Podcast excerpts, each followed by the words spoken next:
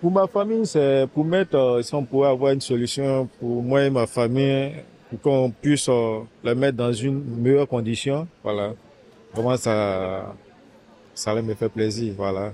C'est-à-dire, avoir, c'est, c'est parce que, euh, euh, euh, on n'a pas une vie meilleure de l'autre côté. Voilà pourquoi nous courons pour venir ici, pour pouvoir avoir une meilleure vie ici. Voilà, reprendre tout, voilà, s'intégrer. Voilà, Et après aussi, a des, des amis dans le quartier, et quelques trois, c'est pas trop quand même, c'est pas tout le temps que je les fréquente. On se croise parfois, mais pour les week-ends, pour euh, au moins se soulager, les jeunes, nous les jeunes, bon. Et après, c'est c'est bon quand même quoi. Je n'ai plus d'amis encore de plus. Etorkizunak, etortzeko dagoenak, zalantza sortzen du beti.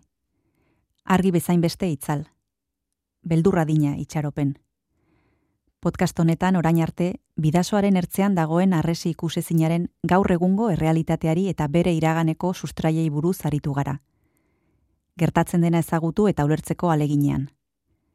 Azken atal honetan ordea, biharko egunari begirada bat luzatzen saiatuko gara. Zer gerta daitekeen aurre ikusten, ikara eta ilusioen bezperako kronika egiten.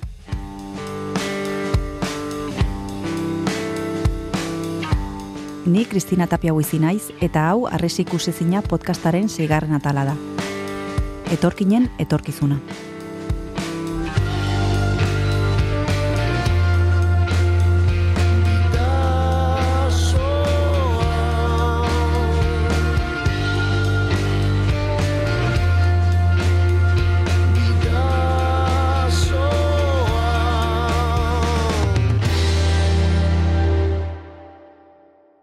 Migrante batzuk Europara etorri izanaz ez direla damutzen diote.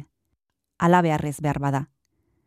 Beldurra eta esperantzaren arteko bidean, badago beste bidaia bat, zirkularra dena, sorgin gurpil baten antzera, desilusioa.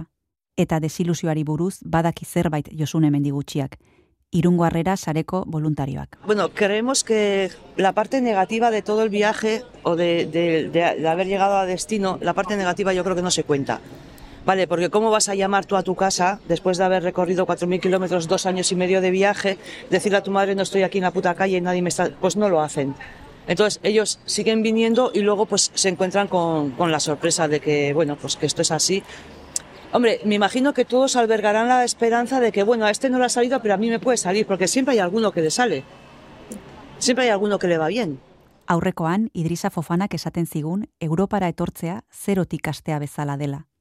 Eta ez dakigu baikorregia ezote zen. Zerotik asten ote diren, edo zero azpitik. Bidasoa etorkinekin elkarteko Kristin Artolak ilusio faltsua saltzen zaiela uste du. Hori da, hori da arazo, funtsezko arazo handi bat. E, haien egietan alde batetik dute e, internet eta telebistaren gatik ilusio faltsua. Gure hemengo egoeraz eta e, haiek hemen ukaiten alkohol ukaiten tokiaz. Gehi egi batzutan iduriz estatuaren propaganda mota bat ere izan da. E, ilusio hori edatzeko eta eta pixkat bultzatzeko haien gazteak alde egitera.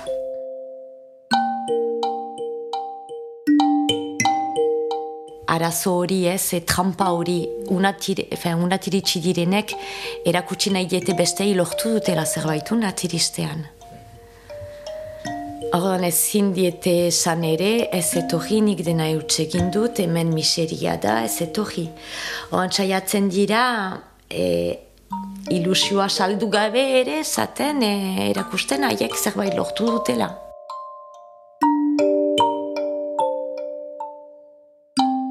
Eta duela gutxi mintzatu naiz e, mm, bikote gazte batekin, bo, bikainak gazte hoiek, eta luzaz egon ginen mintzatzen, eta gauza bera e, haiek esaten zidaten, baina jakin izan bagenu. E, unatiristeko pasatuko genuen guzia, eta orain gelditzen dena, ba, igual ez genuen bide hori egingo. Eta nik esaten nien, ba, orain, zuek hori esan besteei. Ha, eta egiz, bai, baina guri ere esan ziguten batzuek. Jakin izan bagenu, igual ez genuen bide hori egingo, dio Kristinek, bikotearen hitzak errepikatuz. Baina jarraitzen dute etortzen. Zergatik? Hain engainatuak dira, infernu hotzaren eta infernu beroaren artean dago zerua. Nonbait zerurikan bada. Voyez, je peux pas dire, je conseille, je conseille mes amis de ne pas venir. Non, si je dis ça, mes amis aujourd'hui m'écoutent, ils vont dire que ah, est égoïste. Comme lui, il est arrivé aujourd'hui, il dit, faut pas, nous, on va arriver. Non, machin. Baina ezin izan nuen ez ulertu, ez onartu e, ateraintzin. Da bakarrik egin dudalakunik, orain badakidala. Baina nik orain naiz eta bestei esplikatu gauza bera izango da. Eta da zirkuru, alako zirkuru txar bat ez? Baina okerrena da, nunbait jasoia dutela. Han ez dute oportunitaterik eta ez bakarrik haien erriak pobreak direrako zeren ginea adibidez, ez da erri pobre bat. Berez, kriston aberastasun pila dituztean. Baina ez dira banatuak betikoa. Horan noski sentitzen dutela, han ezin dutela deus, naiz eta ikasi, bojokatu, lan egin. Eta hemen ikusi ditut, eta ikusten ari naiz gero eta gehiago, ba ikasketa mailan ere kriston maila duten batzu. Magigarria. Eta jerazteko maneran eta entzuten da, sentitzen da. Han blokatuak dira. Ezin dute deus egin. Orduan, ospa egiten dute pentsatuz, naiz eta dena miseria izan ere, gure miseria baina ondiagoa ez da izanen.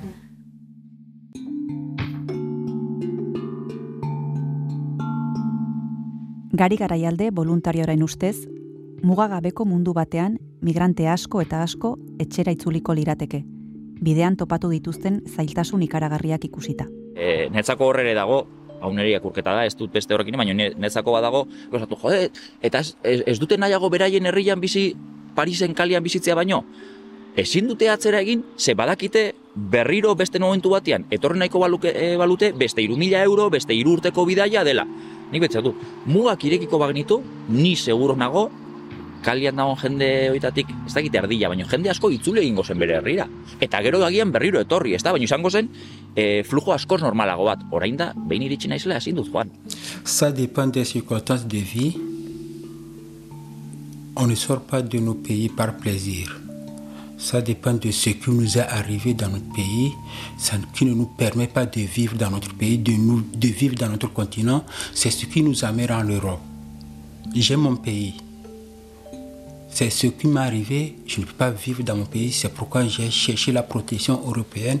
Je suis venu en Europe, je suis venu en France ici pour pouvoir trouver ça. J'ai envie de vivre, j'ai pas envie de mourir.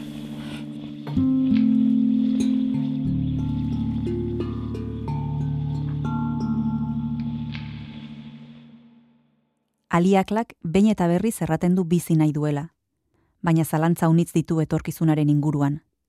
Ezin egona, ikara eta beldurra. Beldurra hitza unitzetan agertu da podcast honetan. Hainbatek aipatu digute. Esaterako aklak, togoko gazteak eta janmarla binek endaiako apezak. Beraiek izan duten solasaldian, harri gelditu zaigu zein handia den beldurraren poterea, eta zein okertuta gauden. Je ne me sens pas menacé, je n'ai pas de peur de vivre entre humain et humain. Je ne vois pas, il y a où la différence. euh, C'est plus les gens d'ici, enfin les gens, les gens d'ici, les, les, les, Les Blancs. qui se sentent menacés. Est-ce que, tu Mais sens, est-ce que, tu sens mais- que des fois tu fais peur? Non, mais vous êtes humain, moi je suis humain. Comment je vais avoir peur? Comment je vais avoir peur? Je ne peux pas avoir peur. Non. Tant que vous êtes humain, moi je suis humain, mais on vit entre humain et humain. On est- vous n'êtes pas animaux, vous n'êtes pas un animal. Tant que moi aussi je ne suis pas animal, et du coup, pourquoi devais-je avoir peur Non Infernua besteak dira, zioen Jean-Paul Sartre idazle eta pentsalari frantsesak. Sartrek berak esaten zuenez, berehala geratzen da nabarmen nortzuk diren borreroak. Aurpegian beldurra dutela nabari zaielako. Zeren beldur dira ordea. Ametsar zaiuz bertsolari eta idazleak argi dauka. Eta, bueno, ba, bakoitzak bere alorretik egiten du egin lezakena, eta nik sinisten dut e, gutako bakoitzak zerbait egin dezakela, eta, eta bere baitan p, impulso e, xenofobuak, diskurso rasistak, esan dezagun boto rasista e, dakan jende hori ere, ez dut pentsatzen naturalki eta berez eta sortze zalakoa da, nik baizik eta zerbaitek eraman du, eta askotan ez ezagutzak eramaten zaitu baita ere ez ezagutzak ikara batea, eta ikaratik pff, harrapatzen zaituzu eta baliatzen dira zutaz, zu amplifikadore bat izateko ez.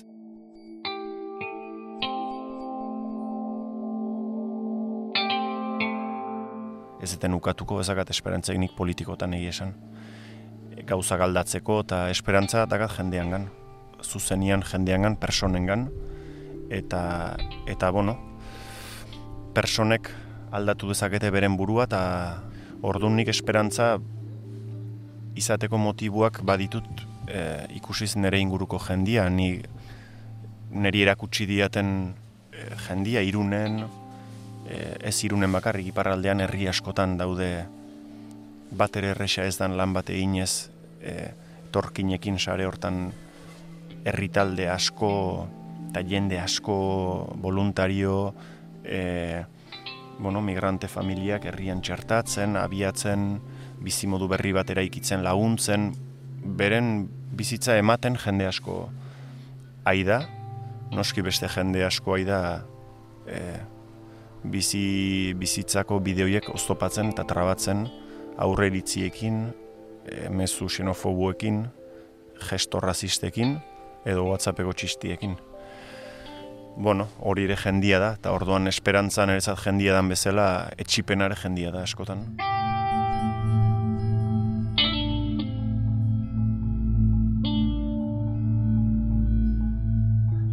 Bai, bai, e, baino da beldur, nik e, zait buruan sartzen, e, baino diogu, sartu digute beldur bat, lanak kenduko ote diguten, edo, edo, edo ezken gaina ez dakit zergatik diogun beldurra, ze, ze ikusten duzu dire erabat, e, e, zaurgarriak, aulak dire, ez lana, lanak kenduko diguna ez da hori, lanak kenduko diguna izango da, igual, egoera ekonomiko e, hori guztia lanak kenduko digu, e, e, gure ekonomia antolatzeko moduak, paroa dago beraiek egon, ga, egon bere bai, orduan, ez digu, zakit, nik ez dakit beldurra zer eri diogun, nik uste dut ba, badago, eh, badakit badago la puntu hori, eta ez, nik uste dut beldurra baino gehiago dela, gure arazoak bolkatzeko erabiltzen ditugu, eta orduan justifikatzeko bolkatze hori, asmatzen dugu beldurra bezalako zerbait.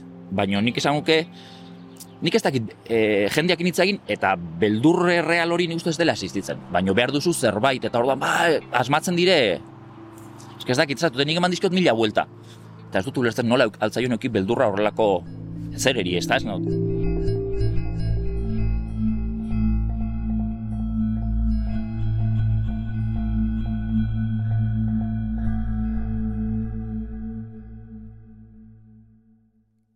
Lana lapurtuko diguten atzerritarrak.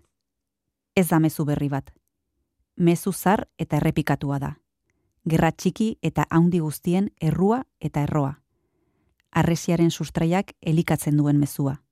Aldi berean, azken hilabeteotan, albisteengatik jakin izan dugu Espainiak migranteek lan egin alizateko baldintzak erraztuko mendituela. Sí, los estudios de mercado de trabajo demandan eh, personal, tanto cualificado como menos cualificado, pero yo creo que es perverso situar el debate de las migraciones en ese plano, en el plano de mercado. ¿no? ¿Por qué? Por un lado, porque sobre todo el mercado actual, un mercado basado en la economía capitalista, no prevé o no, no garantiza los derechos de los trabajadores en general, ni de los y mucho menos de los trabajadores migrantes. Iker Barbero, EHUko administrazio zuzenbideko irakaslearekin solasean ari gara orain. Luego también situar las políticas públicas en clave de tanto de natalidad o de, de, de demografía eh, en cuanto a, necesidad de, nueva población o de gente más joven que pueda, ten, que pueda tener hijos, eh, o en clave de mercado de trabajo que vengan a, a a llenar algunos eh, espacios donde no hay mano de obra, yo creo que es perverso porque en el momento que eh, ese mercado o ese ámbito eh, está satisfecho o ese mercado ya no es necesario o esa población ya no es necesario, se vuelven contra las personas extranjeras. Por tanto, yo no lo situaría en eso de clavo. Yo creo que la clave fundamental para situar la gestión de las migraciones siempre deben ser los derechos de las personas, los derechos fundamentales recogidos en los tratados internacionales y, si se quiere, también en, en las normativas eh, estatales. ¿no? Orain entzungo ditugun Idrisa eta Bama bezalako migrariek guk guretzat nahi ez ditugun lan egiten dituzte. Lan eta. Kontratu eta eskubiderik gabe. Ta question est qu'est-ce que j'ai fait Jusque-là, je n'ai pas encore réussi à avoir mes papiers. Donc, euh, je cherche de gauche à droite de travail pour pouvoir faire quelque chose, avoir un peu, comme quoi, à nourrir ma petite famille avec. Donc, je n'ai pas un travail stable. Voilà, je sors matin euh, et je cherche puisque j'ai des contacts.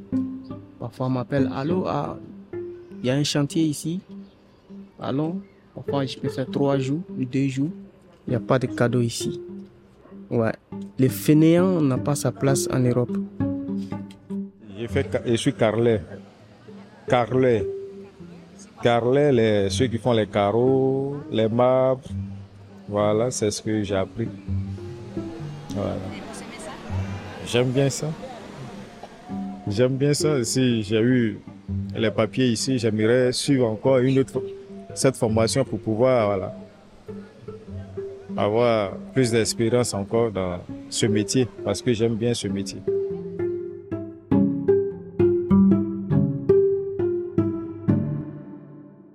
Baina beldurraren diskurtsoa bere bidea egiten ari da. Poliki poliki eta sendo. Erraz saldu daitekeen mezua da eta errez erosten duguna. Badakit irunen ere egongo dela, olako zurrumurru bat abakit jendeak esaten dula, leku guztan bezala. Etortzen dire, zuek deitzen diztelako, efekto llamada, zuek egongo espazinete etzilen hormeste etorreko, usti hori gezurra da, etorreko zien berdin berdin, esan dituzke ikusiko. Zeren beldurra? Hori da harria. Arresiaren oinarria. Bere paretak adreiu zadreiu eraiki dituena. Uzkurtzen eta gogortzen gaituena. Beldurra hotza delako mugigaitza, monolitikoa, sendoa. Esperantzaldiz, xirimiria bezala da. Eguzki agertu aurretik, nekez nabaritzen den argi izpien dantza horren antzekoa. Simplea eta uskorra. Iaia asmakizun bat. Baina hala ere, edo horregatik, esperantza da arantzari zor diogun lorea. Francisco Rodríguez migranteekin lan egiten duen abokatuak metamorfosi sozialaz hitz egin du. Mais oui, on n'est pas beaucoup. Donc il faudra attendre oui quelques années pour qu'il y ait des vocations et encore faut-il que l'étranger ne soit pas vu comme un étranger, c'est-à-dire une personne qui n'est pas citoyenne, mais comme une personne qui dispose de droits parce qu'elle est humaine. Il y a un imprescriptible humain. Au final avec cette question-là, on peut tout tout travailler. Encore faut-il voilà, qu'on soit à l'écoute. Donc euh, je pense que dans les prochaines années, on verra si euh, on peut arriver à quelque chose. Néanmoins, l'objectif, c'est que ces personnes-là puissent vivre dignement. C'est la première, euh, première des choses. En France, ce ne sont pas, ce n'est ni le président ni les gouvernements. Pour moi, ce sont les juges, l'autorité judiciaire. C'est avec elle qu'il pourra y avoir une métamorphose sociale.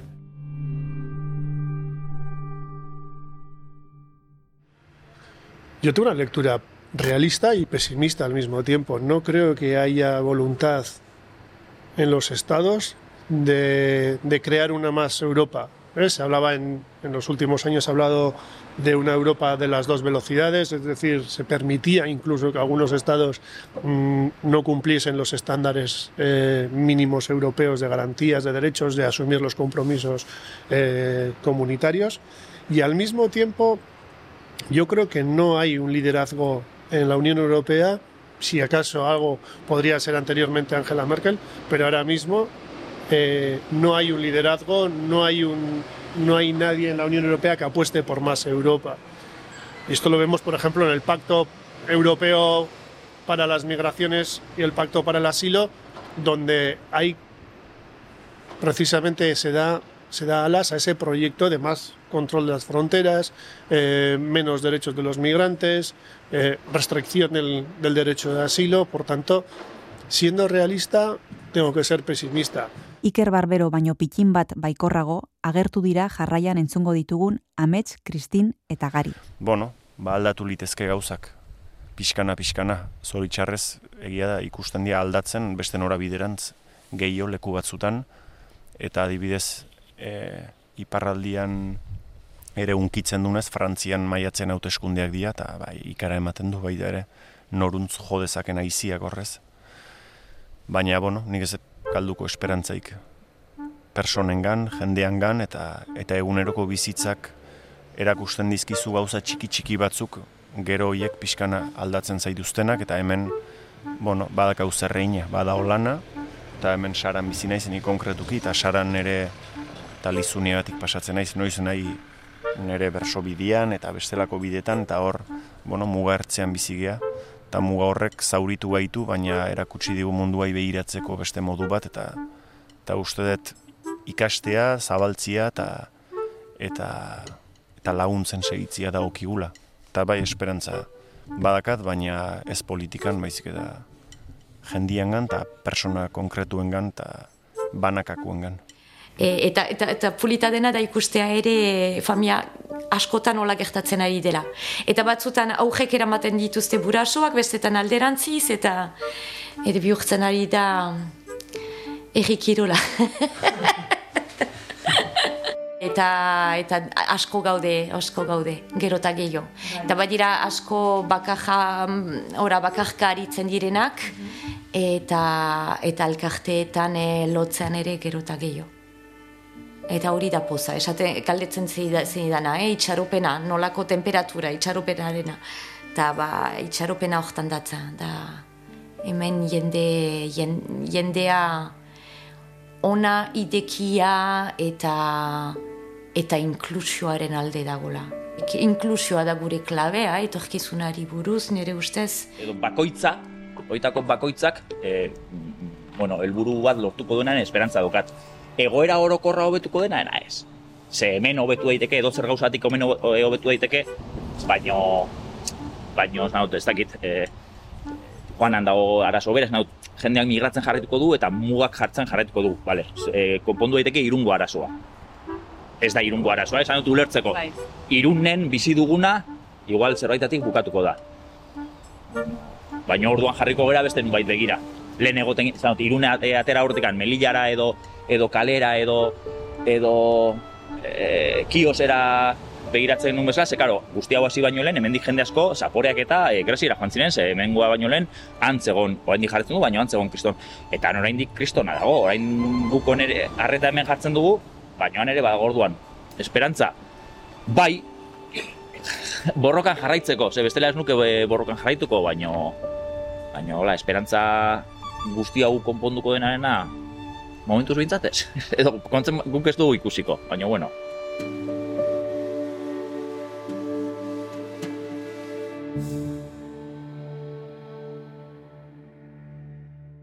Esperantza borrokan jarraitzeko.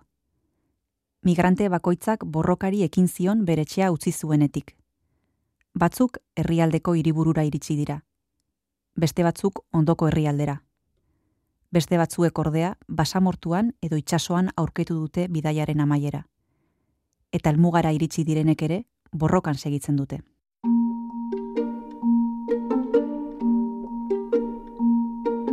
Podcast hau estrenatu baino astebete lehenago, arresiaren beste aldetik, aklak berri onak eman dizkigu. Uh, sí, yo tengo una buena noticia. Sí! Asiloa lortu du. Eta arekin, hainbat aldiz aipatu digun babesa. Euh, ils m'ont accepté ma demande d'asile et ils m'ont donné la internationale. Akla pozik dago. Urtarrian beste ikastaro bat hasiko duela kontatu digu. Eta mesedez eskatu digu esker honeko mezu bat grabatzeko. Jean-Marc Labini, bere abokatuari, bidasoa etorkinekin elkarteari eta baionako zimadi bihotzez eman nahi dizki eskerrak. Ah, je suis très touché de tout l'aide que toute personne m'a aidé. Bestalde, Idrisarekin Parisen egon eta lau hilabetetara WhatsAppeko audio bat bidali digu. Allô, bonsoir, bonsoir Christina. Ça va toi? Ongi dabil. Ongi kakotxartean. Ez da bizi ezagutu genuen hotelean. Ekialdeko estaziora mugitu dira. Ibrahim semeak pozik jarraitzen du eskolan. baina berak ez du paperik. Izan ere, 2008 bat garren urtean, Frantzian, eunda iru mila asilo eskaera egon ziren. Euneko egoita bostak lortu zuen baiezkoa. Franchement, vraiment, ça me fait plaisir que vous ne nous a pas encore oublié. Posten hau jakiteak etzarela guta zaztu, esan dit Idrisak. Vous êtes très gentil. Eta guk, aztuko aldugu Idrisa. Aztuko ditugu Akla, edo Aixa, eta Bama eta Fadiga. Zerbait aldatuko da, edo zerbait aldatuko dugu. Obera izango da, okerrera. Arresi ikusezina podcast honen amaieran, ia-ia hasi ginen bezala amaituko dugu. Mugan. Ezagutu ditugu pertsona migrarien errealitateak. Aditu ditugu haien ahotsak eta saiatu gara mundua haien begietatik ikusten. Bidaiaren amaieran, hasieran gara berriz, mugan. Beldurraren eta esperantzaren mugan.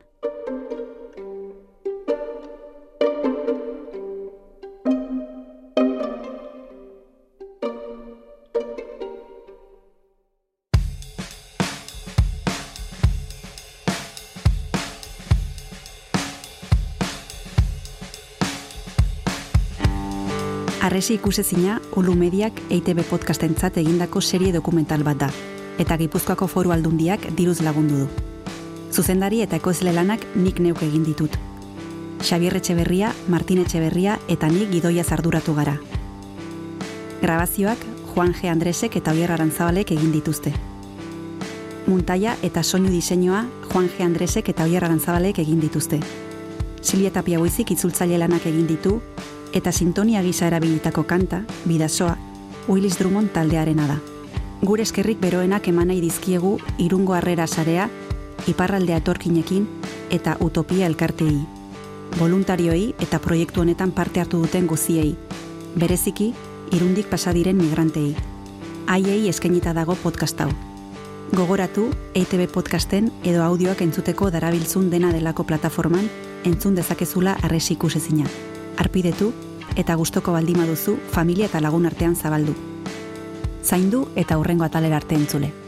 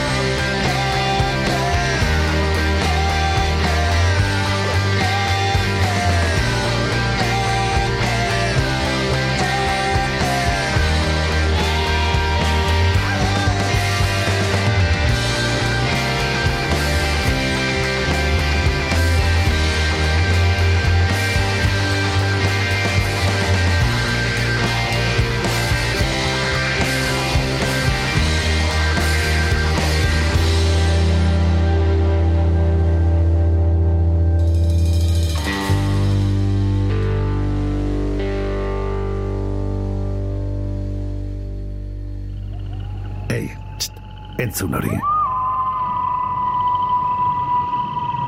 Ulu Media.